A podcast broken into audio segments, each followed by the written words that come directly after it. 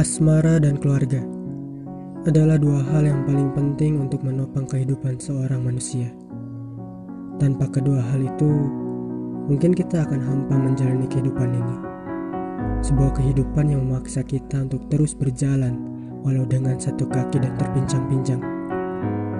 Di Faksara, gue akan membaca curhatan-curhatan dari anak-anak broken home yang masuk ke gue melalui berbagai media. Dan juga mungkin berbagi hal tentang perjalanan asmara gue?